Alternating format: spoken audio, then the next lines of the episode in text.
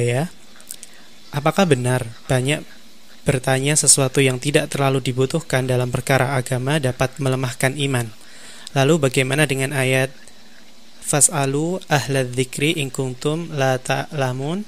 Apakah kita bertanya perihal agama kepada Ustadz walau belum dijawab itu sudah mendapat pahala Ustadz? Syukran. Jazakallah khair.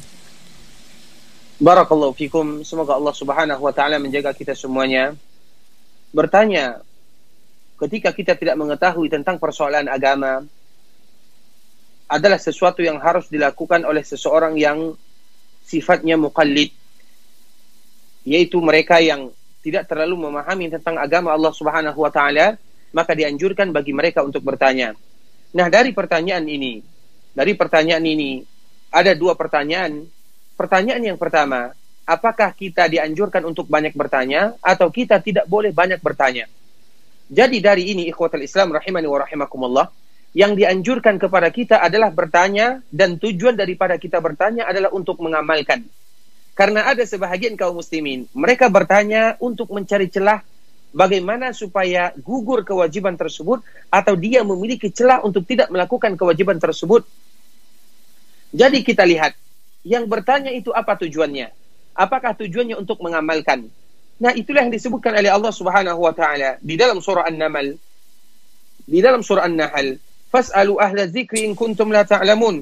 maka bertanyalah kalian kepada mereka-mereka yang tahu tentang agama Allah Subhanahu wa taala kalau seandainya kalian tidak tahu apabila tujuan kita bertanya adalah untuk mengamalkan dan untuk menambah ilmu karena ada sebahagian kaum muslimin mereka yang bertanya namun untuk mencari celah atau untuk berkilah sebagaimana yang dilakukan oleh kaum Nabi Musa alaihi salam kepada Nabi Musa ketika mereka bertanya tujuan mereka bertanya bukan untuk melakukan sehingga ada dua hal yang perlu kita ketahui ada di antara mereka yang bertanya, tujuannya adalah untuk diamalkan dan untuk menambah ilmunya.